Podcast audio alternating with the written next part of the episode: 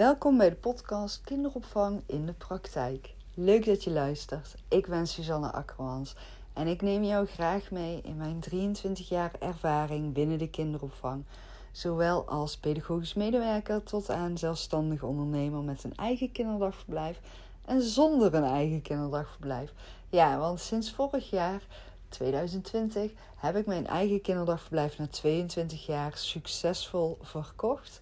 En ben ik uh, mezelf gaan richten op de landelijke kinderopvang, het coachen en adviseren, zowel online als offline. Um, offline bezoek ik kinderdagverblijflocaties en zet ik mezelf in als pedagogisch coach, maar ook als coach voor de ondernemer, de leidinggevende of de pedagogische coach zelf. Uh, ik adviseer ook over verschillende vraagstukken en online ben ik allerlei verschillende praktische programma's aan het ontwikkelen voor de kinderopvang. Want ik richt mezelf echt op de praktijk, die dagelijkse praktijk, de kindjes. Daar gaat het om voor mij. Zij zijn mijn rode draad in alles wat ik doe. De kinderen moeten zichzelf veilig en vertrouwd kunnen voelen. En ook al hebben we dat allemaal in ons pedagogisch beleid staan, hoe maken we dat nou uiteindelijk echt waar in die dagelijkse praktijk?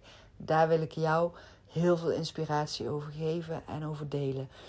En vandaag wil ik het met jou gaan hebben over ouders in de kinderopvang. En uh, dan vooral uh, twee zinnetjes die mij eigenlijk vanaf dat ik zelf moeder ben geworden hebben verbaasd en ook zeker hebben geïrriteerd. Waar ik mezelf aan kan irriteren. Echt enorm.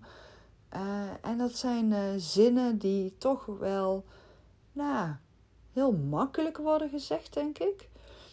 Ik heb het gewoon nooit zo begrepen. En ik zag laatst dat er zelfs een nieuwe term uh, ook voor is gekomen. Um, nou, daar was ik dan even zelf niet van op de hoogte. Maar uh, moedermafia of zoiets. Uh, gewoon echt moeders elkaar afzeiken en veroordelen. Ja, ik heb het nooit begrepen. Ik heb sowieso nooit begrepen dat er een soort van, ja, hoe noem je dat? Competitie of zo is.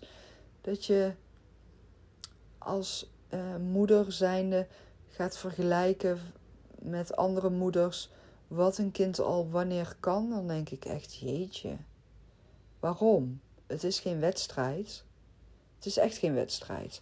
Maar goed, ik snap dat niet. Ik uh, geloof ook niet dat ik daar ooit bewust aan heb meegedaan. En als ik daar onbewust wel aan heb meegedaan, nou dan schaam ik de ogen uit mijn kop, echt serieus. Uh, maar waar ik me vooral heel erg aan kan irriteren, zijn dus twee zinnen. Die ook wel mensen kunnen zeggen die geen kinderen hebben. En daar heb ik sowieso nooit begrepen. Dan denk ik echt, ja, maar serieus, hoe, hoe kan je dit nou weten ook? Nou, die twee zinnen waar ik me dus aan kan irriteren en ook over uh, kan verbazen en ook boos over kan maken. Nou, zin 1 is: als mijn kind dat zou doen. Herken je hem? Vast wel. En de andere zin is: Mijn kind doet dat niet. Ja, het zijn echt twee zinnen voor mij waarbij ik dan echt denk: mm nou, fijn voor jou dat jouw kind dat niet doet. En als jouw kind dat wel zou doen, nou, dan spreken we elkaar nog wel een keer opnieuw. En um, ja, ik heb ook een keer een podcast opgenomen over vooroordelen. En ik heb echt. Ik ben natuurlijk zelf ook moeder hè, van drie kinderen. Uh, dus ik heb mijn eigen ervaringen in de opvoeding. Ik heb de opvoeding alleen gedaan. Gescheiden, alleenstaande moeder. En nou, echt totaal geen probleem voor mij. Maar dan krijg je ongevraagd ook echt zo vaak ongevraagde meningen en adviezen. En weet je wat jij moet doen met jouw kinderen? En als dat mijn kind zou zijn, nou dan zou ik het wel weten. En dat ging dan bijvoorbeeld toen mijn kinderen klein waren over dat ze niet in hun eigen bed sliepen. Ja, weet je, toen ik zelf nog geen kinderen had, vond ik het ook uh, belachelijk als iemand tegen mij zei dat hun kind bij hun in bed sliep. En dacht ik ook echt, jeetje, dat doe je toch niet? Nou ja, totdat ik dus zelf drie kinderen kreeg, waarvan uh, twee van de drie consequente jaren bij mij in bed hebben geslapen. Dan ga je daar wel anders over denken. En weet je hoe vaak mensen tegen mij hadden gezegd wat ik dan moest gaan doen? dacht ik echt, rot op.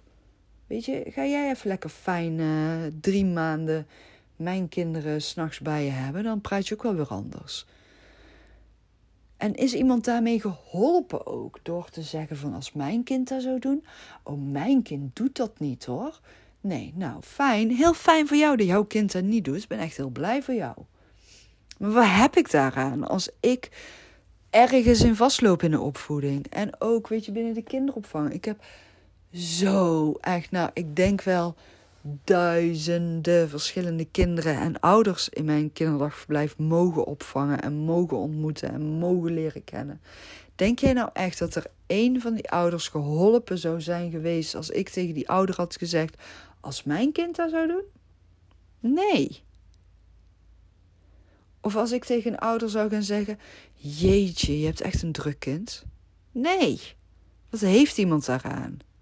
Is iemand daar nou echt mee geholpen? Of als je dan uh, zegt tegen een ouder van... Uh, ja, je moet echt die flessen gaan afbouwen. Nee, een ouder moet niks.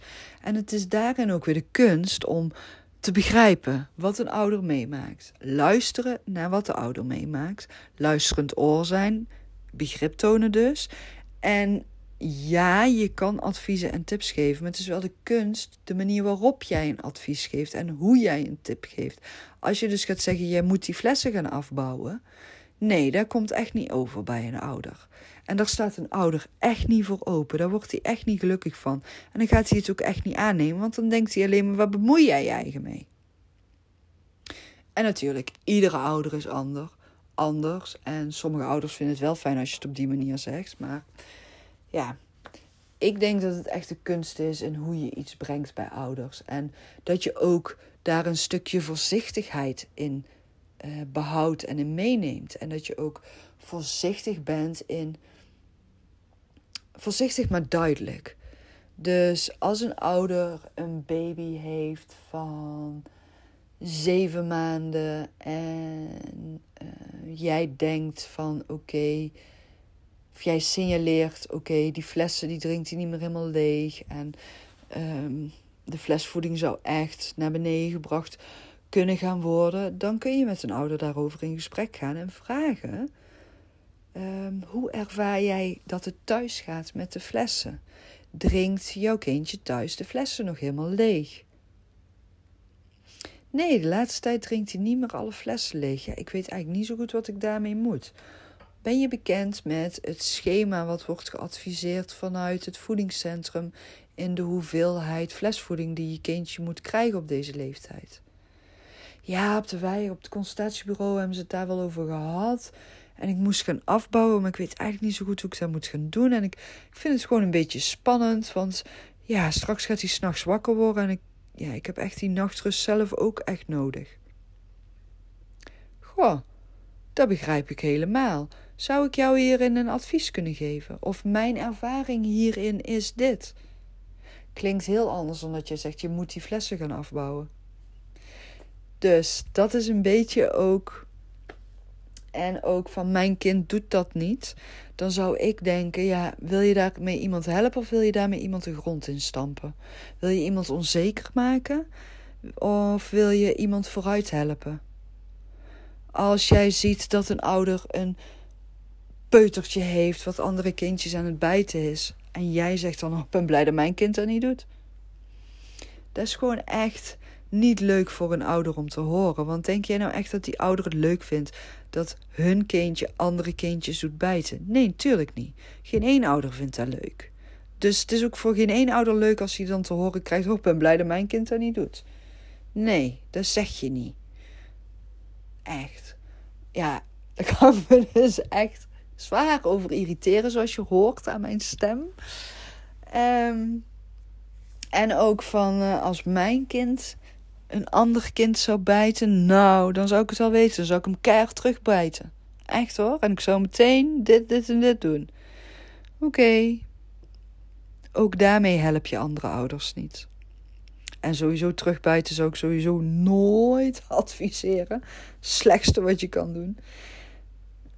Dus weet je, er zit zoveel onwetendheid over de opvoeding eh, voor ouders. En als pedagogisch professional in de kinderopvang, als pedagogisch medewerker in de kinderopvang, vind ik het jouw taak en jouw verantwoording om ouders daarin vooruit te helpen. En ouders daarin ook te ondersteunen en zelfvertrouwen te geven. En als een ouder een keer tegen jou vertelt van goh ja, vriendin van mij die zei tegen mij van nou als die van mij eh, zou bijten zou ik het wel weten. Dat je daar dan ook op reageert en zegt oh is zo vervelend hè als mensen zo reageren. Begrip. Begrip voor elkaar. Echt, weet je, serieus. Ik denk soms echt dat we wat uh, milder en liever uh, daarin met elkaar ook mogen omgaan. En ook daarin veel bewuster mogen gaan zijn van hoe kunnen we elkaar voor, vooruit helpen in de opvoeding en ondersteunen en hoe kunnen we luisterend oor zijn voor elkaar en hoe kunnen we er zijn, weet je wel? Soms hoef je niet eens iets op te lossen of uh, advies te geven, maar gewoon luisteren. Soms is dat echt zo mega waardevol. Dus uh, ja, mijn kind doet dat niet. En als mijn kind dat zou doen, zijn echt voor mij twee zinnen waar ik allergisch op reageer. En waar ik echt niet tegen kan. Dus uh, mocht jij zelf een ouder zijn en ooit zulke reacties uh, gekregen hebben, ik begrijp jou. En weet je, probeer dan maar vooral te denken: die mensen weten echt niet waar ze het over hebben. Laat gaan, laat gaan. En ik vind het zelf ook mega. Nou, dit vind ik dus wel mega lastig om uh, me hier niet druk over te maken. Want uh, ja, dit vind ik gewoon echt gewoon nooit leuk als dat gezegd wordt. Kan ik me echt zwaar aan irriteren. En ik vind het vooral ook. Uh, ja, ik weet niet. Ik vind het gewoon irritant. dus uh, misschien heb jij wel voor mij een leuke tip over hoe ik met zulke reacties om kan gaan. Laat het me dan ook uh, weten. Ben er heel benieuwd naar. En wie weet inspireert het mij dan weer om daar nog meer mee te gaan doen. of help je juist mij hierin vooruit, zodat ik mezelf daar niet meer aan ga irriteren. Zou ook heel fijn zijn. Uh, dankjewel weer voor het luisteren naar uh, deze podcast Kinderopvang in de Praktijk. Ik ben Suzanne Akkermans en ik vond het super tof dat jij vandaag weer naar mijn podcastaflevering hebt willen luisteren. En een keer naar mijn frustratie en irritatie ook hebt willen luisteren. Dankjewel daarvoor. Uh, ik wens je een hele fijne dag en tot de volgende keer.